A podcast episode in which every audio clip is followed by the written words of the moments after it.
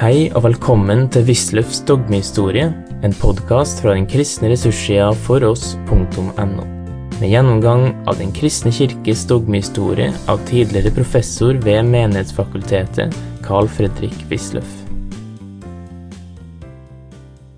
Den vi finner her hos Molinos, den minner på mange måter om teologia Deutsch, som jeg talte om i forrige semester. Jeg har anført her med et sitat fra Speners teologiske bedenken. Han eh, har uttalt seg om Molinos, og eh, det har han trykt et brev, og det har han trykt av i dette svære verk som mange minst, som heter Teologische Bedenken. Er behauptet, wer einmal zu dem høren Grad der Kontemplation gekommen, sollte alsdann nicht wieder zu der Meditation zurückkehren. Altså, her finner vi to gloser kontemplasjon og meditasjon. Meditasjon det er dette at en blir stille for Gud i eftertanke og bønn og betraktning. Og da kan man etter hvert eh, omsider komme til liksom et høyere nivå, som man kaller for kontemplasjon. Da, da hviler sjelen i denne kontemplasjonen og er, har liksom et stormfritt område innerst inne. Der veksler det ikke. I Teologia Deutsch var det samme sagt med bilde av en dør. Husker De kanskje? Døren går opp og igjen. Den er i stadig bevegelse for så vidt, men hengslene, der eh, står det stille. Og sånn er det med vårt sjeleliv. Det er en umåtelig veksling til enhver tid av sjelige inntrykk. Men for den som har nådd den mystiske kontemplasjon og stillheten i Gud, så er det et område som alltid er stille og ikke øh, berøres av omvekslinger. Det lærte da Molinos. Det øh, var den forskjell med ham at øh, i sin konsekvens så førte det bort fra Kirkens fromhet. Og sånn gikk det da med hans uh, disipler. Og det var det som fikk jesuittene til å gripe inn mot Molinos.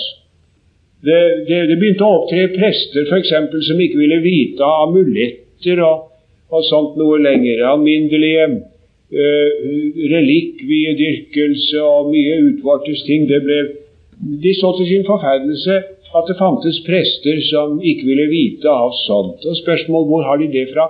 Så pekte omsider alle tråder i retning av denne mannen i, i Rom. Så lot de ham eh, arrestere, og da fant de 20 000 sjelesørgebrev i hans besiddelse. Så det var ikke småtteri, og de ble ytterligere forferdet av jesuittene over å uh, se hva innflytelse denne mannen i all stillhet hadde hatt. Så ble han stillet for retten, og antagelig under tortur, så bekjente han at han hadde hatt kjetterske tanker. Så ble han fordømt, og så ble han dømt til evig klosterfengsel. Nå så det en stund ut til Ja, kjent er ordet som han som han skal ha sagt da en klosterbroder låste ham inn i den cellen som han altså aldri skulle komme ut fra mer. Farvel, Fader og broder. På dommens dag vil det vise seg om du hadde rett eller jeg hadde rett. Han, eh, det så et øyeblikk ut til at han skulle slippe ut, eh, da, men da døde han meget beleilig like etterpå. og Det har alltid hvilt en viss mistanke over det der, om ikke de da hadde gitt ham gift i virkeligheten. Eh, hvis vi ser litt på de som ble fordømt så um, viser det seg jo at uh, det er disse samme uh, mystiske tanker som går igjen og går igjen. Det er dette at sjelen blir stille og gir opp all tanke på sitt eget. Det er bare å være i Gud. Man ønsker ikke noe, man ber ikke om noe. Det er det man har kalt for kvietismen. Og Det går eh, tilbake til den franske biskopen Francois de Sales, eh, som døde i 1622.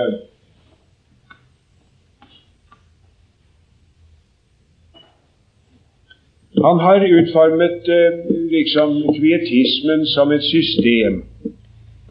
Man kan jo tale om et motiv og et kvietiv. Et motiv er noe som bringer viljen til å bevege seg, setter viljen i aksjon. Et kvietiv er et som noe som bringer viljen til stillhet, til ro.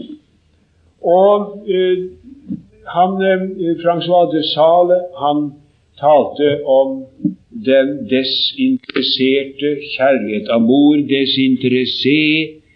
Kjærligheten til Gud, den eh, ønsker ikke noe for seg selv. Den ønsker ikke noe for seg selv. Idealet er i grunnen og denne desperatio ad infernum, som man også kan finne anklanger av, forresten, i Luthers tidlige forelesninger, og eh, som er anklang av mystikk, det òg, faktisk. En elev av, eh, av eh, Francois de Sale og av Molinos var den berømte Madame Guillon, hvis bøker har vært oversatt inn til den nyeste tid. har spilt en betraktelig rolle religionshistorisk sett. er hennes uh, skrifter veldig interessante. Madame Guillon. Det var en fornem dame. Var blitt gift i ung alder med en mye, mye eldre mann som hun uh, ikke kunne på noen måte med og hadde det vondt og vanskelig i sitt privatliv på mange måter. Og søkte da trøst i religionen. Og Senere som enke så omgav hun seg med en krets av likesinnede. Men også hun fikk jo jesuittene på nakken og satt mange år i fengsel. Og hadde det, opplevde også at hennes, eh, en av hennes bøker ble fordømt av paven. Det, er, det er grunn mye det samme vi finner hvis vi ser på de setningene som paven fordømte. Det er eh, de samme tingene som hos Molinos i virkeligheten. Det kan ta hvem det skal være. La oss ta noen setninger hos Molinos.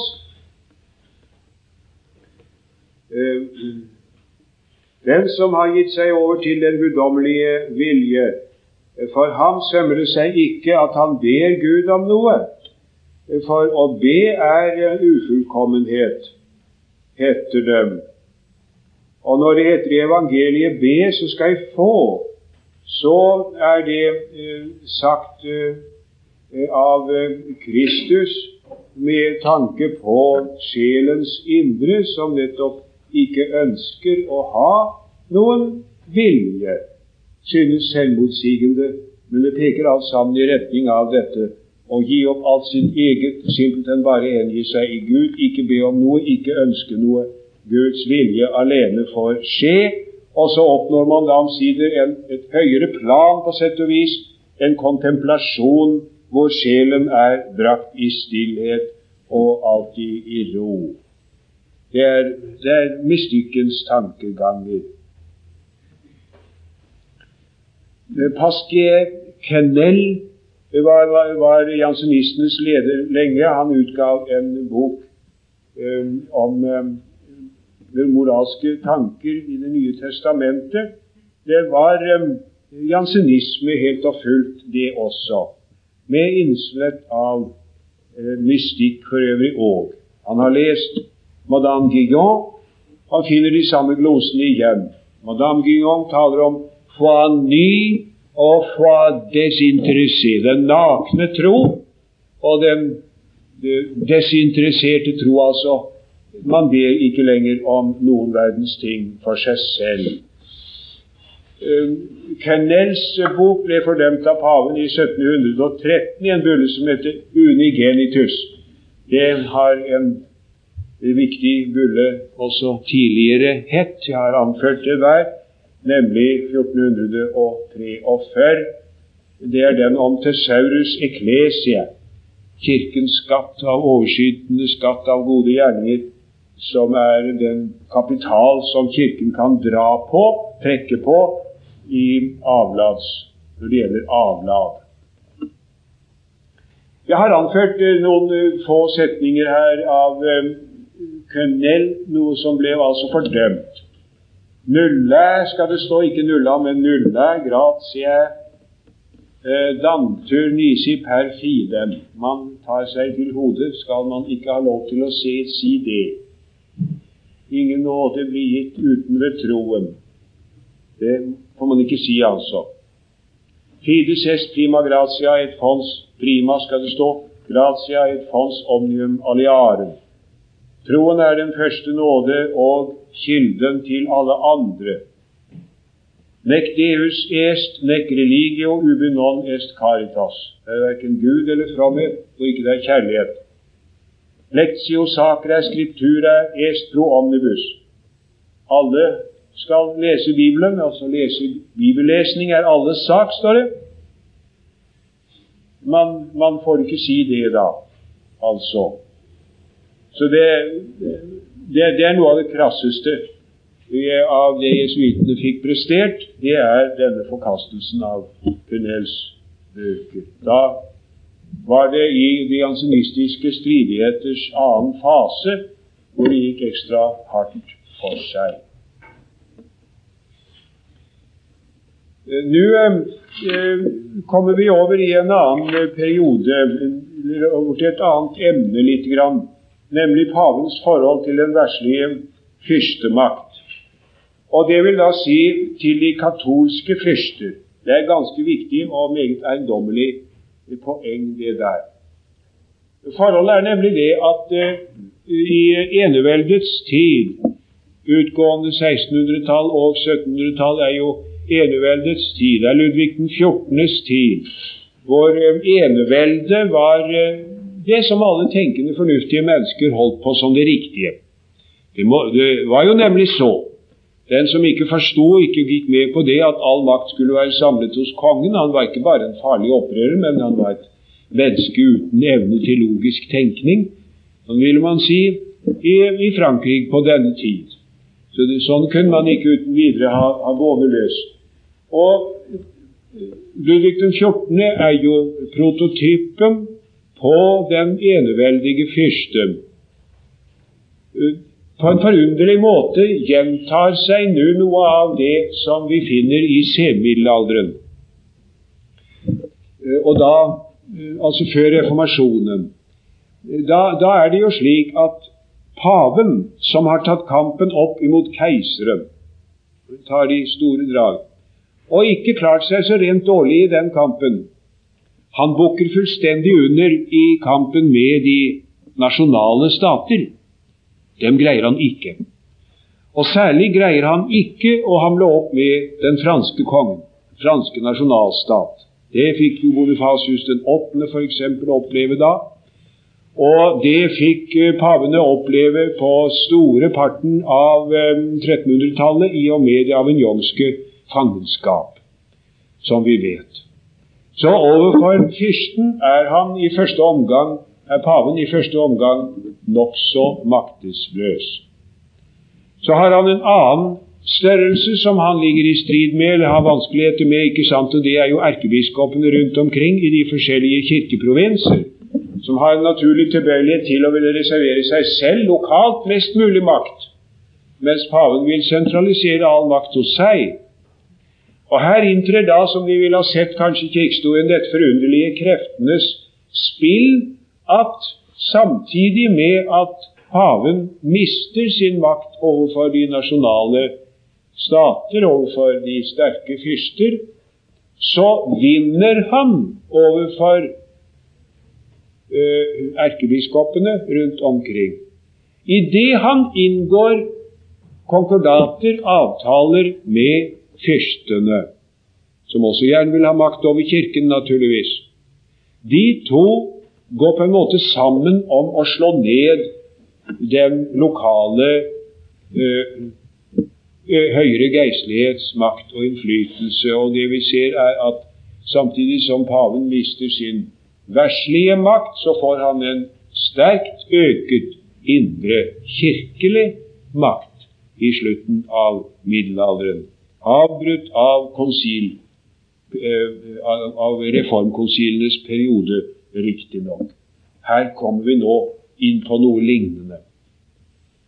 ved disse fyrsters hjelp, som paven ikke kan klare seg overfor, greier han å knekke makten til erkebiskopene. Vi skal stadig se dette her gjenta seg om igjen og om igjen. Men altså først og fremst overfor de katolske fyrster i deres makt. Fylde klarte paven ikke å hevde seg. Og man ser i denne tiden her nå på 1600- og 1700-tallet den romerske pave i en ynkelig avhengighet av uh, de spanske, franske og østerrikske fyrste. De har innført noe som man kalte for jus exclusive, nemlig retten til å nedlegge veto imot eh, visse personer at de skulle bli eh, kardinaler. Hvis paven ville ha en mann til kardinal, så måtte han spørre først om noen av disse mektige menn hadde noe imot det. Og hvis de da hadde noe imot det, så måtte han ta en annen. Og Det sier seg jo selv at på den måten kan fyrstene få en veldig innflytelse i kurien. De kan få langt på vei i hvert fall sånne personer inn i kurien som de liker, og dermed har de i annen omgang også innflytelse på pavevalget, og man får en snill, føyelig pave overfor det som de selv ønsker. Og i denne tiden er det få egentlig sterke og eh, myndige paver. En av de få unntagelser er eh, Innocens den 11. av 1776 til 89. Uh, han, han var en sterk og selvstendig person. Han gjorde seg dessuten for øvrig bemerket ved at han han nær sagt til en avveksling også fordømte noen jesuittiske setninger. De fikk jo ellers viljen sin ustanselig. Men eh, den ellevte innocens, eh, han eh, klarte sannelig å fordømt også noen av jesuittenes aller verste moralske setninger. Og de er så pass bemerkelsesverdig at vi skal et lite øyeblikk se på noe av det. Um, det var i 1679, det. Eh, man, man, eh, man leser jo f.eks. med den største forundring en setning som denne Det er tillatt å fremkalle en abort før fosteret er blitt besjelet, heter det. Det er jo formelig moderne nesten si. detur probabile omnem føtum quandiu in utero est carere anima rationali et sunt primum incipre andem habere comparitur. Altså, det, det, det forekommer sannsynlig at fosteret, så lenge som de er i moders liv, ennå ikke har noen fornuftig sjel, anima rationalis, og ikke får noen sådan før fødselen. Og følgelig kan man si at det ikke skjer noe mord i noen abort. Det er forskrekkelig å lese, altså. Uh, på denne tida, hadde nær sagt på slutten av 1600-tallet. Men det sa disse jesuittene. Og det fordømte paven. Det vil han ikke ha noe av, som rimelig er. Her eh, møter vi på det eh, etiske system som jesuittene hevdet, og som vi kaller for probabilismen. De merket dem kanskje dette, glosen her. Vi detur probabile. Probabile. Eh, det synes å være rimelig, probabelt. Altså, man, Teorien gikk ut på at det, det, det, er ikke nødvendig å kunne bevise en ting før man tar og trekker moralske konklusjoner av dem. Men det er nok at man kan uh, anføre en probabel, en sannsynlig setning. Om man f.eks. kan finne en autoritet som et eller annet sted har sagt noe, så er det probabelt. Ikke sikkert det er riktig, men det er probabelt. En bra mann har sagt det. Og så trekker man endog så voldsomme konsekvenser av det som dette. Det er probabelt forekommer sannsynlig at føtus, fosteret, ikke får noen fornuftig sjel før ved fødselen. Og så trekker man derav den påreisende konklusjon at så er altså en abort ikke mord. Ikke mord. Det er jo nesten verre enn de fleste er i stand til å prestere nå for tiden. For det er jo ikke probabelt lenger heller, eh, det der, at ikke det er et med enhver forstand et menneske, fosteret i mors liv. Det kan være nok som et eksempel. Denne probabilismen var ganske utbredt. Jesuittene hevdet den, og det er altså en viss eh, etisk skole på sett og vis, dette er det her. Men den ble fordømt av pave Innocens den 11. Men også overfor de katolske stormaktene klarte paven seg veldig dårlig. Mange merkelige uttrykk for det, f.eks. nærmest som et, et kuriosum. I, I 1729 så erklærte Bendik den 13. Gregor den syvende hellig. Han erklærte ham for hellig. Gregor den syvende. Men da nedla uh, Pariserparlamentet forbud mot at det skulle holdes festgudstjenester i franske kirker i den anledning, for han hadde jo uh, ydmyket Henrik den 4. så forskrekkelig i Canossa. Så Det skulle man ikke ha noe av. Det kunne gi uh, uheldige impulser og uheldige tanker hos uh, undersåtter som helst ikke burde forestille seg noe sånt noe om en fyrste. At han skulle stå i, på Canossa i vinterkulden og i bæreskjorten. Så det var ikke lov å holde noen festgudstjeneste i den anledning i Frankrike. En liten sak som kan stå som et eksempel på hvordan tankegangen var i denne tid. Pavene hadde det ganske vanskelig politisk sett. Eh, jeg har satt opp litt her denne om teorien om de to sverd, det åndelige sverd, det verslige sverd. Vi finner hos pave Gelasius en antydning, et forsøk på å lære en sideordning Gregor den syvende, naturligvis, der er det kirkens, pavens overherredømme i enhver forstand, og også hos Innocens den tredje og Bonifasius den åttende. Men dette her går jo ikke, som jeg allerede har sagt. Og så vi Bellarmin i slutten ja, altså det store verket hans i slutten av 1500-tallet øh, øh, med en teori om en potestas indirekta pape in temporalibus. Direkte har paven bare en åndelig makt, men indirekte har han eh, en, også en eh, verslig makt, i og med at han kan eh, påvirke fyrstene når troens interesser trues. Og at bakveien kommer da i virkeligheten en ganske stor innflytelse inn. Eh, og det viste seg da f.eks. i 1648, da paven protesterte mot at den vestfalske fred sidestillet tre konfesjoner. Det var jo i, i 1555 sånn at den lutherske religion skulle være likestilt i en viss forstand med visse innskrenkninger.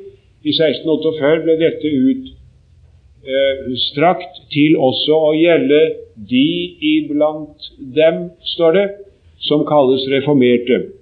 De iblant dem, protestantene, som kalles reformerte. De hadde hittil måttet klare seg helst under ly av Augustana variata eller noe sånt noe.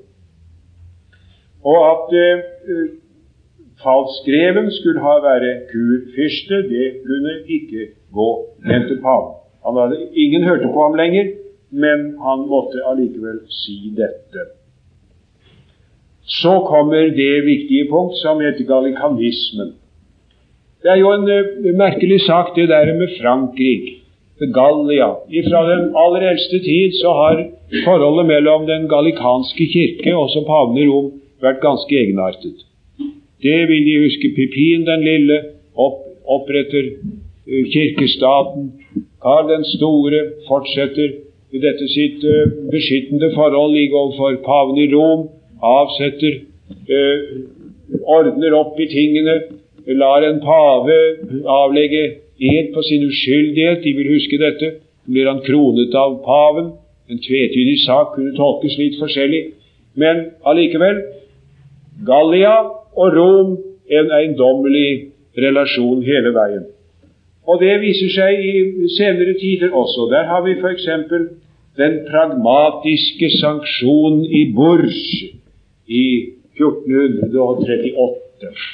Det var på eh, Det er altså under Baselerkonsilets tid.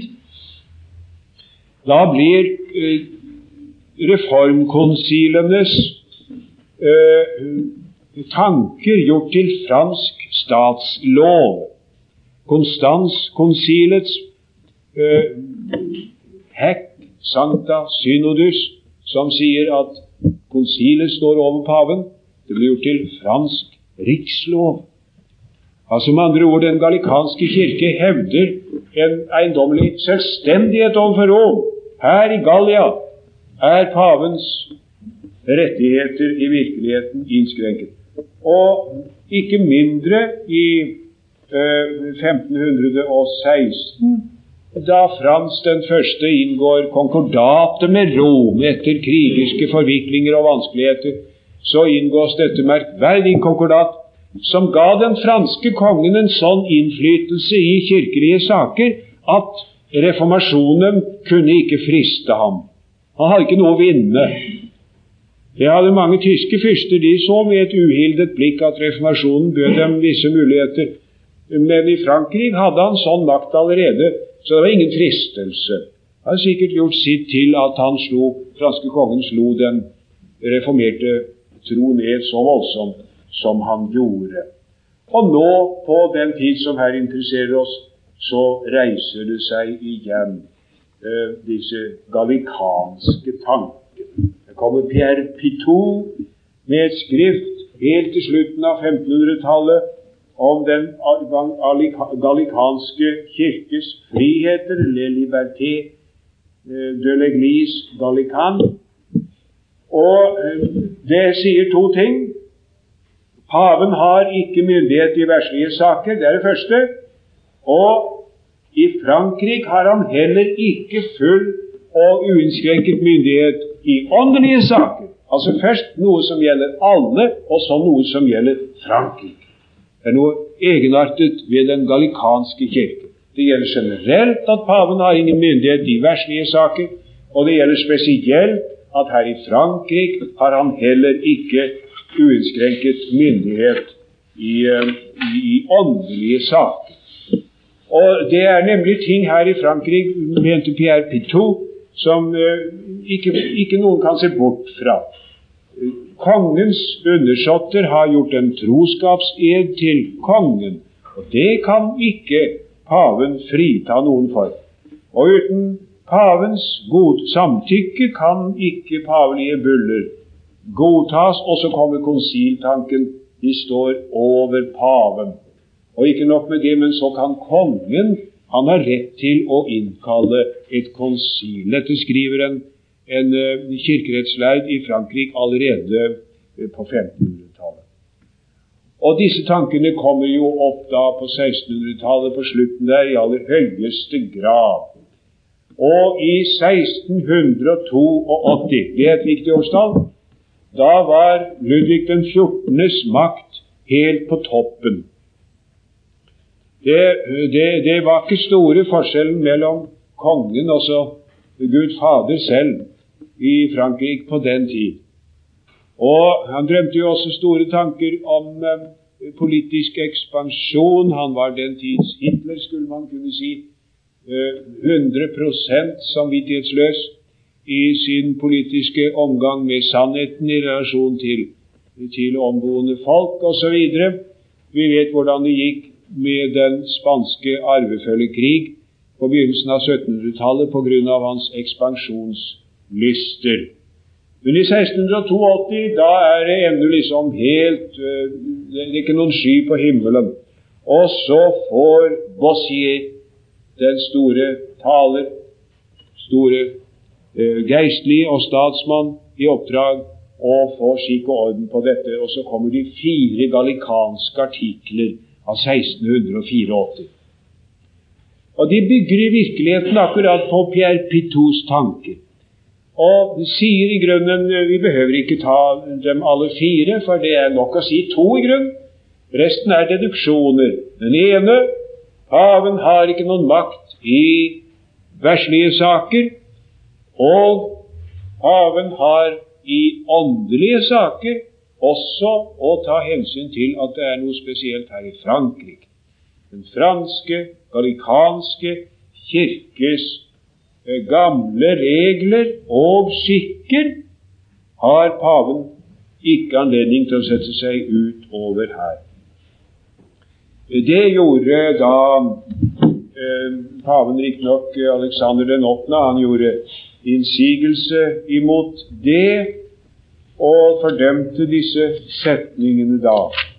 Men det kunne han i første omgang ikke oppnå noe som helst med. Ingen verdens ting. Men eh, så kom det en tid da han eh, hadde politisk motgang. For seg var eh, Freden Risvik og forskjellig annet. Han hadde en tid politisk motgang. Han kunne ikke koste på seg den luksus og er uvenner med paven lenger. Og da ga han sine biskoper ordre om å beklage denne villfarelse. Kongen hadde naturligvis aldri tatt noen feil, men biskopene hadde funnet på noe, og det måtte de da ut og, ut og beklage. Dette her. De, de glemte det imidlertid ikke, og denne gallikanske selvstendighetstankegang er, har alltid i grunnen vært der. I opplysningstiden så kommer også lignende ideer opp i Tyskland. Det er en biskop von Hontheim som skriver under pseudonymet Justus Febronius er statu ecclesia. Det er altså atskillig senere enn de første vi snakker om. Det er eh, så ganske tydelig opplysningstidens tanker som han der eh, er inne på. Han, eh, sier, han, sier, det at Kirkens forfatning var opprinnelig ikke monarkisk. Alle apostlene hadde myndighet, sier han. Apostlene betyr da biskopene. En katolsk biskop er apostlenes efterfølger. Eh, paven får ikke noe særlig stor myndighet og makt etter dette syn. Den merker også en viss innflytelse fra den lutherske samtidige teologi og kirkerett den tanken om kollegialsystemet. Kirken er en forening. Alle medlemmer har samme myndighet i prinsippet, men disse er da overført, tenker man seg, til embetsbærerne hos Febronius, biskopene. Uh, fire tyske biskoper som hadde samme syn, uttaler noe i 1786. Man taler om, om uh, Emser punktation, man kaller det også den tyske gallikanisme. Merkelig, merkelig betegnelse, men det har vært kalt så. Det, det, det, går ut i sand. Paven greide å manøvrere seg ut av det veldig fint ved å spille på eh, biskopenes gamle mistanke mot erkebiskopene. Det var erkebiskoper, dette her. Vi taler ikke noe om biskoper, men selv var de erkebiskoper. Og biskopene har i grunnen ofte hatt, historisk sett, lettere for å underholde seg paven enn en, eh, en erkebiskopene. Det er akkurat som i Sverige, hvor jo bøndene sa all makt til kongen, men vi trenger ikke noen mellom oss og ham. Adelen har jeg ikke noe bruk for. Adelen vil ikke vite noe om. Men kongen må gjerne ha all makt, og så ingenting mellom oss og ham på lignende måte her. Og disse erkebiskopene med sine høytflyvende ideer måtte stikke pipen i sekk. Jeg har nevnt her også den synoden i Pistoia. Vi skal ikke oppholde oss lenge ved den, men den er et uh, merkverdig kapittel i virkeligheten. Det er i Italia. Det ble holdt en synode der i 1786, og der kan man se hvilken studerer i aktene den forunderlige eh, Det er som et tidsspeil i grunnen. Der finner man jansenistiske tanker, og man finner gallikanske tanker, og man finner opplysningstidens tanker i en besynderlig blanding. Det har vært en, en oppløsningstid.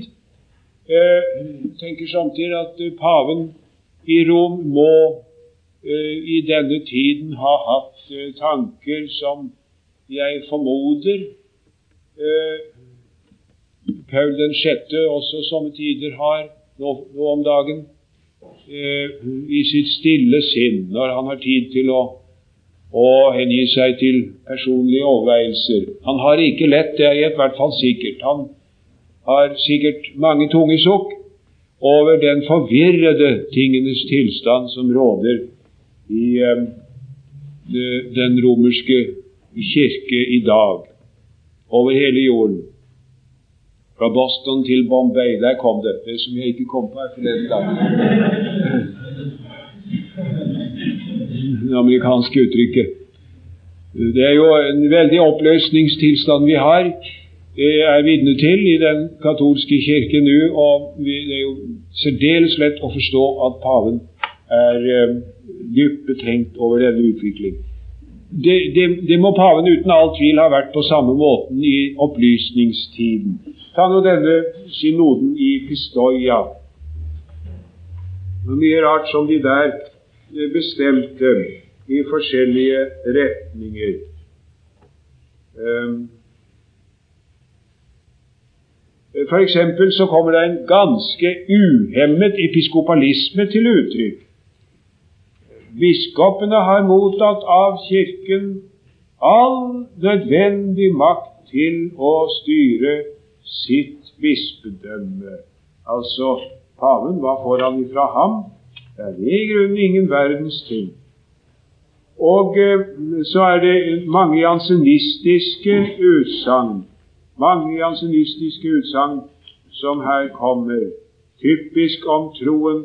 Det er uh, sånne tanker om predestinasjon som kommer inn, f.eks., ved siden av tanker som er inspirert av opplysningstidens tenkesett, og som jo naturligvis er ganske annerledes enn som så.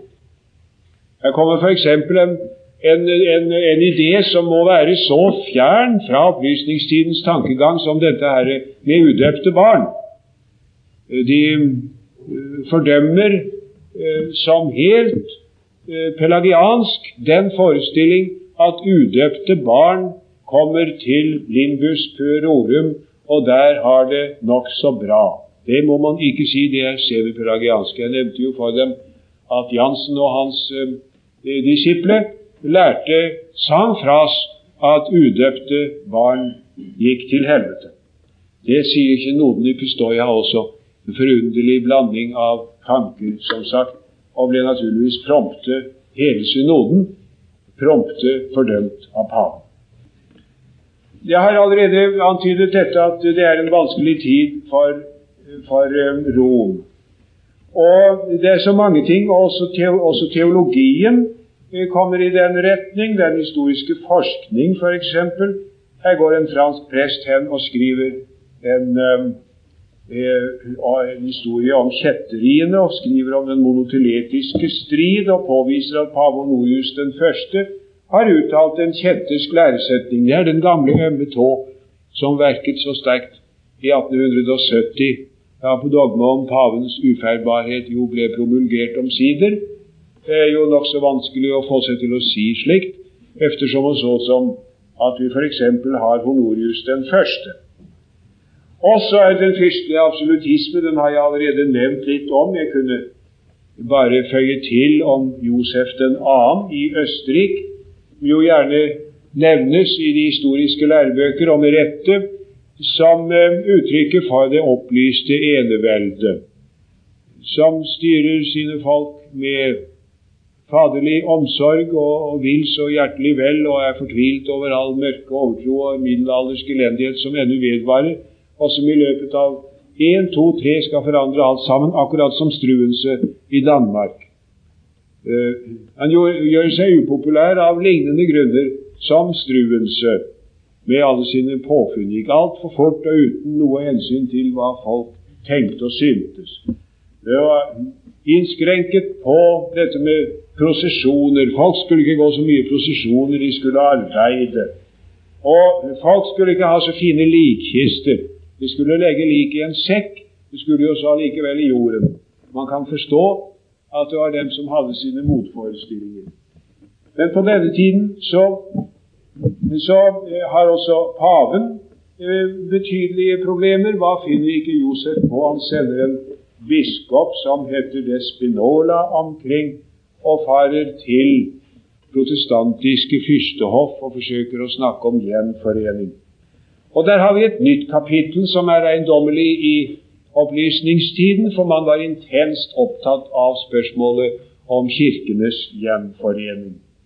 Det var man på alle hold blant fremskredne ånder opptatt av. Og de syntes i grunnen ikke det skulle være så aldeles vanskelig å tenke seg en gjenforening, og det kom av at de var opplysningsteologer. De var påvirket av opplysningstidens tankegang, for hvem en dogmatisk Eh, en læremessig fundert overbevisning egentlig var utenkelig. Noe sånt, mente man, tilhørte en svunnen tid. Vi, vi kunne ikke feste oss ved sånt. Det er troens praktiske nytte vi skal se på.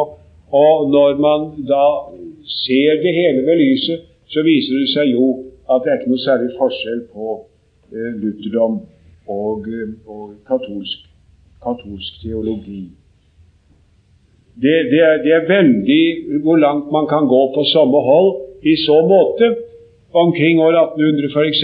så ser vi at uh, katolske og lutherske prester endog samtidig bytter prekestol om søndagene. De syns ikke å finner noen grunn til ikke å gjøre det. Uh, det kommer ikke av at uh, katolikken er evangelisk påvirket og omvendt, men det kommer av at de begge er opplysningsteologer.